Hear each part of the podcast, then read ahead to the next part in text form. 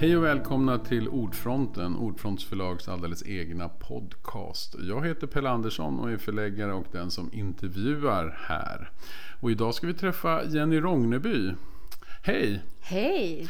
Du har skrivit en ny deckare som heter Medlaren och det är också en ny serie som du har satt igång. Varför valde du att ha en huvudperson som är polismedlare eller vad vi nu ska kalla det? Och vad är egentligen en polismedlare? Ja, hon är ju medlare då mm. bara och det är ju en person som i, i det här fallet då medlare i, när det handlar om brott. Mm. Och det är en person som, som pratar med både brottsoffret och gärningspersonen om den här händelsen som har skett. Brottet som har skett och de här två får berätta om vad vad de upplevde och mm. delge varandra hur de upplevde hela situationen. Och jag valde att skriva om, om det här för att eh, alltså, när jag själv jobbade som brottsutredare på polisen här i Stockholm då för, för ganska många år sedan nu så kom jag i kontakt med medling. Mm. Eftersom det är någonting som, som, som finns idag i Sverige som vi, vi andra använder oss av. Och jag, jag blev fascinerad av av det här med att gärningspersonen och brottsoffret möts. Mm. För det gjordes ju inte i, i mina brottsutredningar där jag jobbade. Eh, för där satt jag ju och höll förhör med personerna var för sig. Eh, och de möttes ju aldrig. Man ville inte att de skulle mötas. Eh, och det blev ju liksom snarare så att de träffades i, rättssalen. Mm, och det mötet är ju sällan nej, avslappnat. Nej, det är ganska precis, stressande och pressande för, mm. för alla som är, är där. Och, och, men jag började fundera över liksom, hur blir det när de här människorna, när de här personerna möts och får själva prata om det? Mm. För jag fick ju höra de här, jag fick ju höra berättelserna, deras versioner eh, var för sig. Mm. Eh, inte just de här personerna såklart, de här är ju fiktiva. Mm. Men, men i alla mina ärenden så, och ibland stämmer ju de här berättelserna överens med varandra och ibland gör de ju inte det. Och därför så tycker jag att det var så spännande att liksom skildra hur det blir när de här möts och eh, får liksom tvingas lyssna på de, mm. den andra personens upplevelser. Varför är det här med medling, tror du, liksom nyttigt och bra? Alltså man kan ju förstå för alltså att gärningsmannen eller gärningskvinnan då får ju tänka att ja, det kanske är bra att få berätta sin version för den här. Men, men kan det inte också vara väldigt jobbigt för brottsoffret att träffa? Liksom, Absolut. Mm. Alltså det är en, det är en svår situation. Alltså mm. det är en, men, men i många fall så är det eh, brottsoffret har ju liksom många gånger liksom många frågor mm. eh, efter den här händelsen, efter det här brottet som den personen har varit utsatt för. Frågor som egentligen bara en enda person kan svara på. Och det är ju den här gärningspersonen. Mm. Och det kan vara frågor som handlar om varför gjorde du det här mot mig? Mm. Eh, hade du något särskilt emot mig?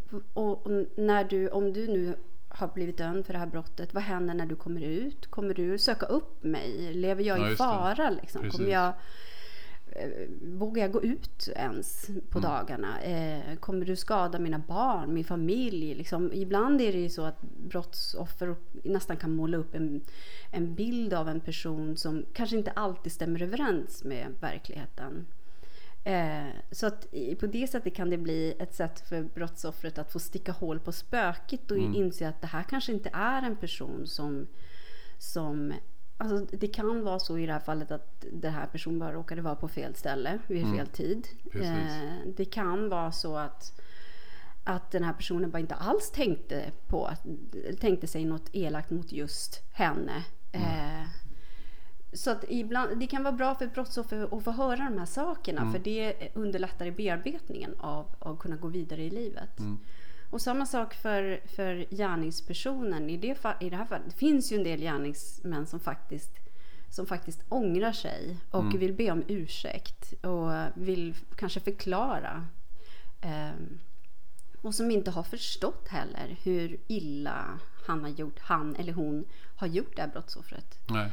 Eh, och få höra det, eh, det, det har ju visat sig i många fall ge effekter. Eh, för att om man tvingas ta ansvar för det man har gjort eh, minskar, då minskar ju risken att man gör det igen. Mm. Och många kanske kommer till någon slags insikt där. Och, alltså, ja. Så det, det är på något sätt brottsförebyggande kan man säga. Att de här Det- personerna inte ska fortsätta begå brott. För så länge brottsoffret är helt anonymt och man inte förstår hur den är drabbad så kan man fortsätta. Precis så är ju tanken då för att man har ju liksom en, en bro- brottsförebyggande tanke i det här. Eh, så, men det är, det, är svåra, det är en svår process det här. Det är ju inga enkla saker. Utan att att möta en person som man har skadat och, och samtidigt möta en person som har skadat en. Kanske en person som man är mest rädd för i hela, i hela livet. Liksom. Så att, eh, det är inga, inga enkla grejer. Men just därför ville jag såklart skriva om det. Du väljer alltid lite svåra saker att skriva. Men är det också så, var det extra svårt i det här fallet? För det är ju som att den här boken börjar där andra deckare slutar. Att det är som att du har liksom gjort det extra svårt för dig också av det skälet. Brottet och, sak, och domen har ju fallit och allting. Hur, var, det, var det något du tänkte på redan innan? Att det skulle bli svårt för dig? Eller Ja. var det något du kastade in i med Ja, stor alltså, lust bara? Jag har ju... I alla mina böcker har jag inte gjort det särskilt lätt för mig. Eh, och jag- ja, det är klart, det har varit en utmaning. Att, för jag menar, det blir ju ett annat, en annan typ av mysterium. När man, alltså, om det har skett ett mord till exempel i början av en bok och man sen ska försöka lista ut vem som mördaren är. Då har man ju ett mysterium redan, Redan där, ja precis. men i det här fallet så vet man redan vem som har begått det här brottet. Och, eh, och det är ju såklart en utmaning och, och, och liksom när man skriver då att få det spänning i det. Eh, och sen börjar ju då Angela, min huvudkaraktär, att förstå att vänta, det är något som inte stämmer här. Eh, han har suttit inne för, det här, för den här våldtäkten och kommit ut nu men, men är det verkligen han? Eh, så det är klart att det blir ju då frågetecknet i, i min bok som jag har kunnat jobba med. Men absolut att det har varit en utmaning. Var det också extra, för nu sa du ju att det var en våldtäkt. Var det också extra, alltså när kom du på att det var just ett av de värsta och svåraste och mest moraliskt komplicerade brotten att liksom skriva om? Var, När bestämde du för att det skulle vara just våldtäkt och att det var viktigt att det var just en våldtäkt? Ja, men jag, jag, jag har ju blivit ganska påverkad av metoo. Och jag tror att vi, vi, vi, vi är många som fick upp ögonen för, eller alla fick väl upp ögonen för hur vanligt det är med, med sexualbrott när metoo eh, briserade och, och alla började berätta om sina, alla kvinnor började berätta om sina, sina upplevelser. Så jag blev väldigt påverkad av det och och sen har jag ju liksom också undvikit att skriva om mord specifikt. Så, för jag tyckte att det finns andra brott som är, är minst lika intressanta och, och att skriva om. Men eh, och, och givetvis också förstod ju jag att skriva om en våldtäkt det är Ja men det är en utmaning på så många sätt. Liksom, hur man ska skildra det på ett sätt. Eh, när jag också hade bestämt mig för att beskriva båda sidor så att säga. Båda får säga sin mening i, i den här boken och hur de har upplevt det. Och hur skulle det tas emot? Liksom? Hur mycket utrymme ska jag välja att ge de här två olika personerna?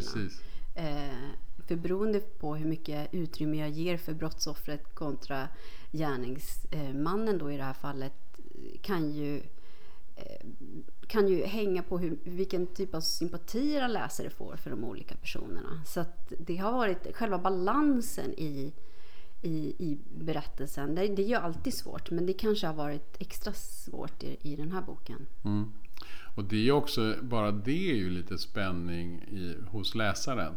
För man, man vill ju inte att det ska vara något, alltså man vill ju att brottsoffret här ska ha rätt på något sätt. Man, man går ju omkring och har ont i magen för att det skulle vara något knas och att det är någon annan som är gärningsmannen.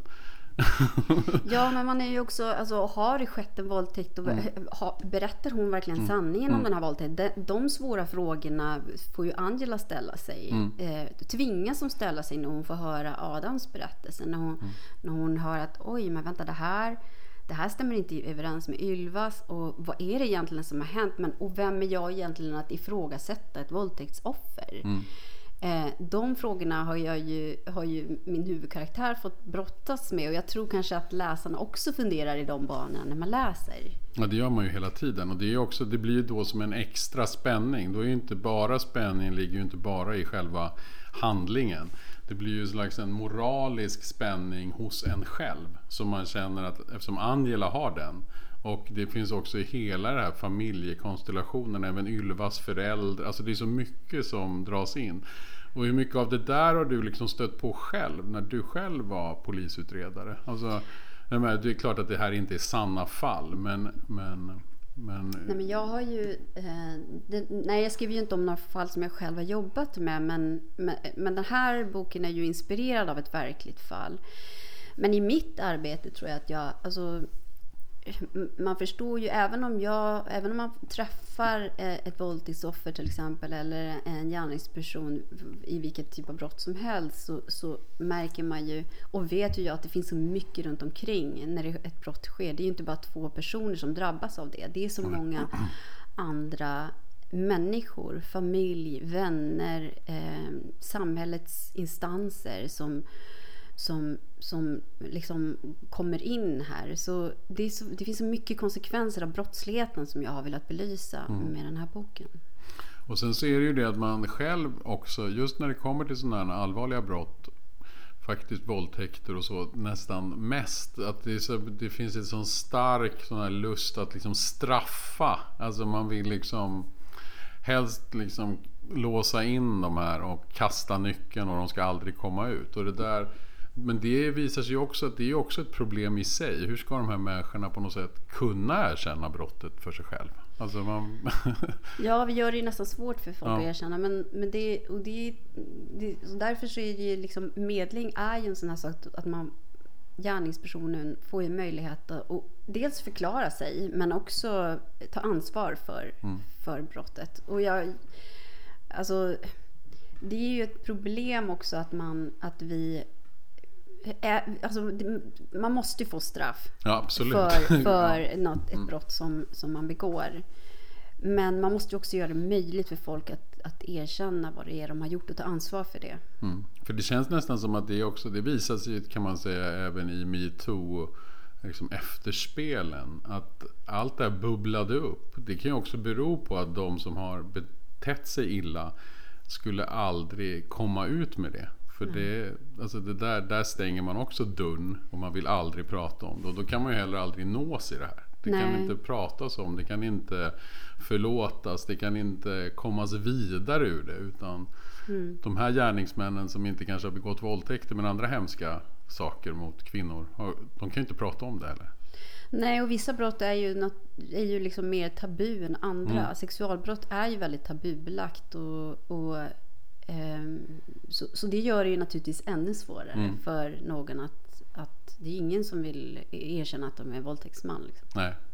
Men kändes det också som att det var just att du tar det här svåra ämnet. Du tar också ett helt nytt ämne.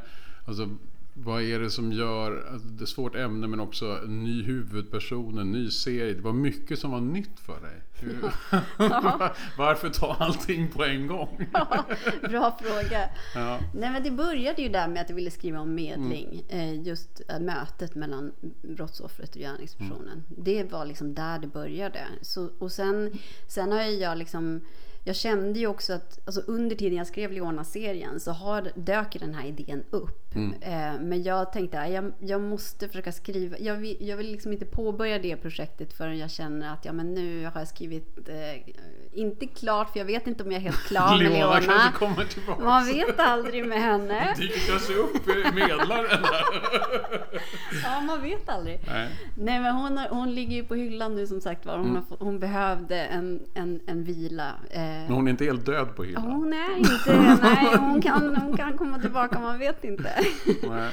Men, eh, nej, men, men det kändes kul också att, att påbörja någonting helt mm. nytt faktiskt. Som, som för alla serier, också när man kommer upp i, nu har jag skrivit fem böcker i, i Leona-serien. Mm. Och när man kommer upp i, i några böcker så, så, så, märker man också att det finns, alltså man, man har ju liksom skapat en miljö och eh, karaktärer och så vidare. Men man märker också att det finns lite begränsningar i det. Eh, som, så, och därför så kände jag så här, men nu vill jag skriva om en helt annan karaktär som, som har legat där i mitt bakhuvud. Hur kommer karaktärerna till dig då? Alltså vad kom, hur, hur skapas Angela i, i dig? Ja, det där är ju ganska svårt att svara på egentligen. Ja. Alltså det här med vart man får sina idéer ifrån. Det är jättesvårt att svara på. Alltså det är så här, helt plötsligt så är idén bara där på något vis. Mm. Eh, men, men att jag ville skriva om en person som inte inte, nu är ju Angela polis mm. ändå, mm. men har ju liksom lämnat polisen eh, och eh, utbildat sig till medlare. Men det var någonting med det där att jag ville ta liksom, ja, skriva om en, en annan typ. Leona var ju en väldigt speciell karaktär Mycket också. speciell ja. karaktär. Eh, Inte som, helt toppen. Nej, men alltså, hon, har, hon, har ju liksom, hon hade ju det här, det här dubbellivet som mm. hon levde, som, mm. var, som, som hon jonglerade med liksom, och som, som eh, eller det var väl jag som jonglerade med det. Du får nog ta ansvar för det här. Måste jag? Ja, faktiskt. Ja, nej men det, det, det, det var ju, det har varit jättebefriande. Det är i alla fall inte mitt fel. Nej, du är oskyldig Pelle. Eh, nej men det, det, har varit, det har varit otroligt befriande att skriva mm. om en karaktär som struntar i liksom, konventioner och regler och bara går sin e bestämmer sig för att gå sin egen väg. Mm. Men det, har, men, men det har ju också funnits liksom vissa begränsningar med det som jag känner att det har varit väldigt intressant att skriva om en, en helt annan karaktär. Mm. Eh, Angela då som är lite mer sansad. Eh, och eh, en svart kvinna som mm. jag tyckte var, var, var, intressant och roligt att skriva om eh, av personliga skäl. Mm. Eh, och också att hon har ett, ett arbete som ställer till det rent moraliskt för henne. Mm. Alltså som hon måste tänka till hur, hur hon ska förhålla sig till. Och hur viktigt är det här för dig? Alltså både att ämnet här är en våldtäkt, det är den här att det är en svart kvinna, det är rasism. Det är mycket som är liksom samtida och viktigt alltså det handlar om samhället och samhällsfrågor. Hur mycket är du också ute efter att försöka säga något om samhället och att folk ska läsa och börja tänka och kanske också agera annorlunda? Hur mycket känner du att du har en, liksom, ett budskap, eller vad man ska säga? Ja, och hur alltså viktigt jag, är det för dig? Jag, tror, alltså jag är ju själv väldigt samhällsintresserad och lite av en nyhetsjunkie. Mm. Som... kan man ana. ja, så, så jag, jag tycker att det är... Alltså, jag har ju skrivit... I, i nästan alla mina böcker handlar ju om olika samhällsproblem eller samhällsfenomen. Och eh, det är väl för att jag, jag tycker själv att det är intressant. Och jag, I den här boken tyckte jag också att jag ville föra fra, alltså, skriva om brottslighetens konsekvenser på ett sätt så folk förstår. Eller jag ska inte säga att folk inte förstår eh, hur, hur, hur, problematiskt det kan vara. Men, men jag har velat belysa det ytterligare. Mm. Hur, hur pass påverkad ett brottsoffer blir av, av ett sånt här allvarligt brott. Mm. Hur den personen upplever allt runt omkring. Så det kommer sig ganska naturligt för mig att dels skriva om samtiden. Jag, alla mina böcker har ju varit i nutid. Mm. Uh, och dels att skriva om olika samhällsproblem. Angela som svart kvinna hon råkar ju ut för både hat och hot. Mm. Uh, och, och råkar ju själv ut för brott i mm. den här boken. Så, så jag Ja, nej men det, det, det ligger i mina tankar mycket, de här frågorna. Och samma här, att media ställer ju till det för henne också, eller jagar henne och, och sådär. Är det också något som du tycker är intressant? Att media oftast kan ställa till det på olika sätt? Ja, ja och jag tycker att liksom, i det här fallet med Angela eh, så, så har det varit väldigt problematiskt då, eftersom hon, när hon när hon pratar om medling som hon tycker själv är viktigt och så vidare så får hon liksom väldigt mycket hat eh, och hot tillbaka. Eh, och, och jag tycker det är ganska talande för den tid vi lever i mm. idag. Både i sociala medier och i det vanliga medieklimatet. Mm. Då, att eh, man tvingas tackla sådana här många ja, människor. Och att det blir väldigt polariserat och det blir alltid väldigt snabbt rätt eller fel. Mm. Det finns liksom inte någon mellanväg. Nej, man precis. kan se att det har komplikationer men kanske ändå ska göras. Det är bättre än motsatsen eller sådär. Mm, precis, och, det, och, och, i vissa fall som i det här, den här våldtäkten så är det inte så enkelt. Det är inte så svartvitt kanske. Nej, precis. Så. Och, och det här med man, när du går in i de här karaktärerna. Hur mycket tänker du att det kan bli för mycket? Alltså att du vill påpeka någonting och peka ut någonting. Eller hur mycket är det att du har frågan som du vill belysa? Men tar historien oftast bara iväg dig? Är det liksom, du måste liksom jaga din berättelse när du skriver? Eller är det, ja, om du förstår vad jag menar? Ja, tar alltså- berättelsen ibland överhanden och budskapet kommer bort? Eller sitter Ja. allt ihop på något sätt? Ja, nej men alltså jag tycker att det hänger ihop på något vis för att jag... Eh, jag, jag visste ju att jag, jag... När jag skriver så jobbar jag ju... Jag skriver ofta ett synopsis så jag vet ungefär vad det, vad det ska handla om. Som jag sen i, vissa fall frångår då. Men när jag märker att ja, men det där funkar inte riktigt eller det blir mycket bättre så här. Eh, och storyn kanske faktiskt tar iväg mig på andra spår än vad jag hade tänkt från början.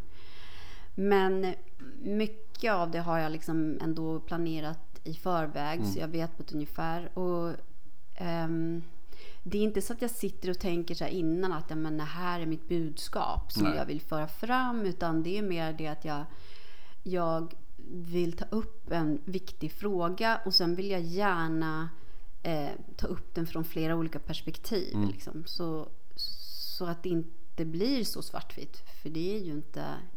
Jag vet inte, inget i livet är ju svartvitt. Nej, Så- precis. Nej. Så det, det är väl så det har... För det är också så i den här boken, det, det som blir spännande och därför det blir belyst från så många håll är ju att det egentligen är på något sätt tre huvudpersoner kan man säga. Det är ju både Angela och Ylva och Adam. Och alla har ju, det är ju två som ändå på något sätt vet vad som har hänt. Och sen ska Angela välja mellan de här och upptäcker att det inte är alldeles lätt. Och hon måste ju också börja då gå emot sin egen medlingsprincip. Det är nästan, det har ju varit intress- en av de intressantaste saker tycker jag när jag har skrivit att Angela liksom måste ifrågasätta dels sin egen moral och sen också måste hon känner att ja, men här, jag kan inte blunda för att när Adam börjar berätta sin, eh, sin version av vad som har hänt och den inte riktigt stämmer överens med Ylva så, så känner hon ju att jag kan inte riktigt blunda för det här heller. Här Nej. har vi någonting som, okej, är, är han trovärdig? Eller hon tycker han verkar vara det, men samtidigt han är dömd för ett brott som, som det har funnits såklart massa bevisning för. Så att, eh, men samtidigt, om inte hon liksom gör något åt det här, vem ska då göra det? Så hon tar liksom sitt ansvar här och trots att hon inte bör eller får som medlare eh, börja rota i det här, gräva i det här fallet, så gör hon det ändå. Som tidigare polis kan hon inte låta bli. Nej, det är bra att hon har varit det. Ja. Det är praktiskt. Då har hon ju också rätt mycket kunskap om hur, liksom, hur hon ska göra och gå tillväga och så. Mm. Och när man då gör det här, hur hittar man de här, alltså hur... När du går in i de här ämnena, när kommer liksom gestalterna fram för dig? Alltså är det så att när du sitter där och planerar liksom Adam och alltså Angela kan jag förstå för det är ändå en person som du måste verkligen känna. Men hur dyker de andra upp? Är det för att ja, men nu måste det vara så här och planerar du det också? Eller hur mycket skapas de i skrivsituationen? Så att de gör fel, väljer fel, säger Ja. konstiga saker och så fångar du upp det. Nej men de, alltså, I det här fallet då, det, att, att det skulle handla om en våldtäkt visste jag tidigt och sen att, eh, att det skulle vara, alltså hur, sen hur personerna ska vara, det, det tycker jag är någonting som liksom växer fram. Det är inget som jag skriver, alltså jag vet ju, det, vissa är ju sådär så att de skriver ner långa, liksom, långa papp, eller ark över hur, hur en karaktär ska vara. Precis, Men- man skapar deras liksom, slags bakgrundshistorier Mm. till alla de här personerna. Men det gör inte jag, utan jag har liksom en tanke om lite om hur de ska. Sen, sen växer de under tidens gång i, i boken och, och ganska mycket i dialogerna tycker jag. Att jag liksom hittar deras språk och hur de, hur de liksom eh, deras gester och rörelser och, och eh, egenskaper tycker jag att det växer liksom fram och, och under tiden det växer så kan jag bygga på det i början sen som jag liksom Precis, inte hade ja, då hittat förstår riktigt. du. Då kan du vända tillbaka. Ja, ja, det är liksom, så. man har chansen att skriva om. Ja, det är det som är bra va? Ja. Men du är aldrig rädd att du skulle stå en dag och så bara, nej nu, nu kommer jag inte längre. Eller nu, har, nu tog idéerna slut. Eller hur ska jag... är man, är man Jo. rädd för det Ja. författare? Alltså, det är ju konstigt det här med idéer för att absolut att eh, jag, liksom när jag, ibland tänker jag så här, men nej men gud, jag kommer ju inte komma på, det kommer inte bli någon fler bok efter det här. För nu Nej, kommer jag nog inte, alltså, Precis. idéerna kanske tar, tar slut. Men Ja. helt plötsligt så bara dyker det upp någonting nytt. Ja. Liksom. Så att, eh, och jag har ju flera, alltså jag, jag brukar försöka skriva ner om jag, om jag har en idé på en bok. Och jag har ju, jag har ju flera stycken andra böcker. Eh, en annan serie som har en idé om nu. Eh. Och ett annat manus som jag har skrivit ganska mycket på. Så att eh, jag har ju insett att idéerna De saknas kommer aldrig inte. att ta slut. Nej, de kommer inte göra det. Men ibland så känns det så av någon Mm. konstig anledning ändå. Och hur mycket blir det så också att när du skriver på en bok så bara, ja just det, det där kan jag sen använda i bok, för du har ju ofta tänkt lite på bok två och lite på bok tre. Dyker det upp gestalter som du sen säger, ja men den, den kan passera här lite, men den ska med i, i bok tre eller bok två. Ja, eller, som, jo, men lite så är det ju ibland. Att jag liksom tänker att ja, men den där, där, den, jag vill ha en sån här karaktär med, men det, jag får inte in den i den här boken. Men Nej. det kanske kan bli till, till nästa bok eller, eller så. så. Så kan det vara ibland. Och hur mycket, alltså det förstår jag att det är betydelsefullt, men hur viktigt är det här med din polisbakgrund? Att du har jobbat som utredare själv?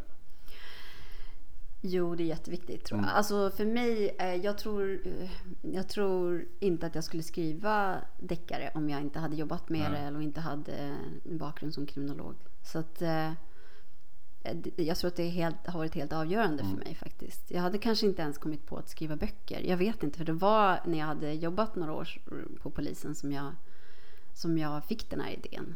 Eh, Och då var inte. det en deckare. Det är inte så att du har gått och skrivit sen du var barn och tänkt att någon dag ska jag bli författare. Nej, jag har aldrig haft en tanke, aldrig haft den drömmen. Liksom. Jag har haft väldigt många andra drömmar. Men att, eh, att eh, bli författare, det hade jag nog aldrig kunnat Nej. drömma om att jag skulle bli faktiskt. Så att, det var helt enkelt den bokidén som gjorde att jag började skriva. Jag hade ingen aning om jag hade fallenhet för att skriva eller nå- någonting sånt. Eh, Men jag tänkte att ja, men jag har ju kunskapen om brott Mm. och brottslighet.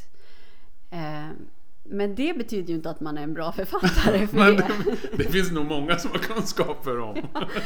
Ja, så det, det, det har ju varit en stor utmaning men, men otroligt roligt. För min första bok jag har ju, gick ju jättebra och sen har jag ju kunnat liksom skriva på heltid sen dess. Så att, eh, nej men det, det är ju, jag tycker det är otroligt vilken, liksom, vilka vändningar livet kan ta.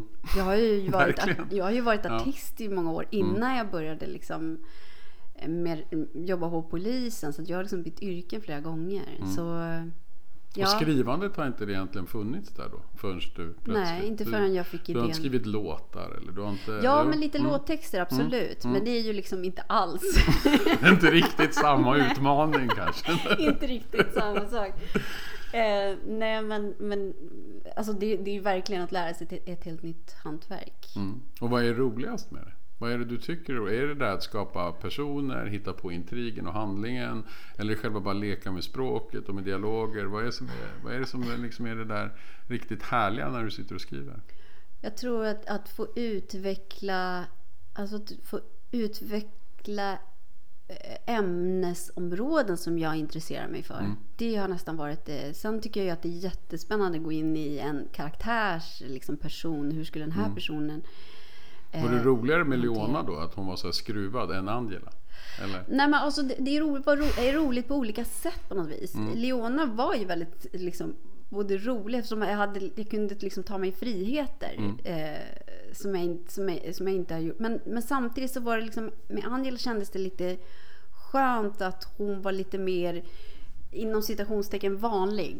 Eh, och reagera på ett, på ett vanligt sätt. För det var ju också en utmaning att skriva om Leona. Som, som hon har, beter sig på ett ganska känslokallt sätt. Och ändå få, få eh, läsarna att liksom eh, vilja veta hur det går för henne. Eh, Man måste ju ändå känna också en sympati med henne fast inte alls. Eller? Ja, precis. Hon gör ju, hon gör, hon gör ju saker som man inte får göra. Nej, liksom. precis. Och, och, eh, nej, men det, har, det, har, det har ju varit en stor utmaning men också otroligt befriande. Mm. Eh, och med Angela blir det på ett helt, helt annat sätt. Ja, henne kan man ju känna sympati med på något sätt hela tiden. Och hon Ja. kan ju vara öppen med det som är svårt och jobbigt och och liksom föra en dialog med läsaren på det sättet. Man Ja, jag- vill ju också själv, man sitter ju liksom i hennes situation som läsare. Och det är ju inte alltid enkelt för henne. Nej. Nej. Men också det som man brukar säga, man måste ju också ha sympati ofta i deckare för, ja, framförallt för Ylva och för Angela måste man ju ha en väldigt stark känsla att de, att de ändå gör rätt och att man, man tror på dem och man litar på dem. På ja, åtminstone att man vill veta hur det går mm. för dem. För det finns ju liksom huvudkaraktärer som kanske inte alltid är så sympatiska Nej. men man vill ändå, ska hon klara sig? Mm. Hur ska det gå liksom? Mm. Och, sådär. Så att man, alltså att man, att, och sen kanske det finns någon annan person som i, eller någon annan karaktär som man kan känna sympatier för. I min första bok så var det ju en liten sjuårig flicka. Jag skriver mm. ju liksom stora delen av boken utifrån en sjuårings perspektiv. Ja, och, och, där den, det barnet kunde man såklart känna mm. sympatier för. Så det, det, behöver ju finnas någon som man kan känna, känna så för. Eh, men ändå vilja veta hur, hur hur, liksom, hur det ska gå. Och hur är det då att skapa just den där lilla... Det måste ju finnas en liten sympati för Adam också. Hur känns det att skriva in en slags normal mänsklighet i det där våldtäkts, våldtäktsmannen? Ja, eh, precis. Det, det, ja, men det har varit en utmaning. För eh, som, som jag nämnde förut, liksom, hur, vad händer om läsarna får sympatier för en våldtäktsman? Mm. Liksom? Så det, det, är absolut eh, avvägningar som jag har fått göra liksom, och fundera på runt omkring det. Det har inte varit helt lätt. Eh, men samtidigt så har jag ju tyckt att det har varit viktigt att föra fram båda de här två personernas eh, synvinklar. Och han, jag tror kanske att det är många som kan sätta sig för han ser ju sig själv som oskyldig. Precis. Och det tror jag många kanske kan sätta sig in i känslan av att vara oskyldigt anklagad för Precis. någonting. Eh, och, och, och, jag har ju fått höra av en del som har läst att de tänker så här, men, men gud, alltså jag, jag, jag, jag började liksom känna, men det kanske, jag har sympatier för honom liksom. Mm. Men det, och så, ja, så skiftar det lite sådär mm. fram och tillbaka. Och det är ju lite av den, det jag har velat skapa mm. med boken. Att, och nu har du satt dig i den situationen för en lång tid framöver. Du kommer att försöka skapa fler gärningsmän som vi måste känna en viss sympati för. Ja, precis. Um, nej, men jag, jag, tänker också så här att det, man måste inte nödvändigtvis känna sympatier för alla karaktärer. Nej. Utan eh, i vissa fall så, så kanske man känner det för någon av karaktärerna och så, och så kan, det, kan det få räcka så. Det ser vi fram emot. Mm. Tack så hemskt mycket Jenny Rogneby för att du kom hit till Ordfronten och pratade om Medlaren och ditt skrivande. Tack, tack. så hemskt mycket. Tack. Det var allt för Ordfronten för den här gången. Vi återkommer med nya avsnitt här under hösten. Ha det så bra. Hej då. Hej då.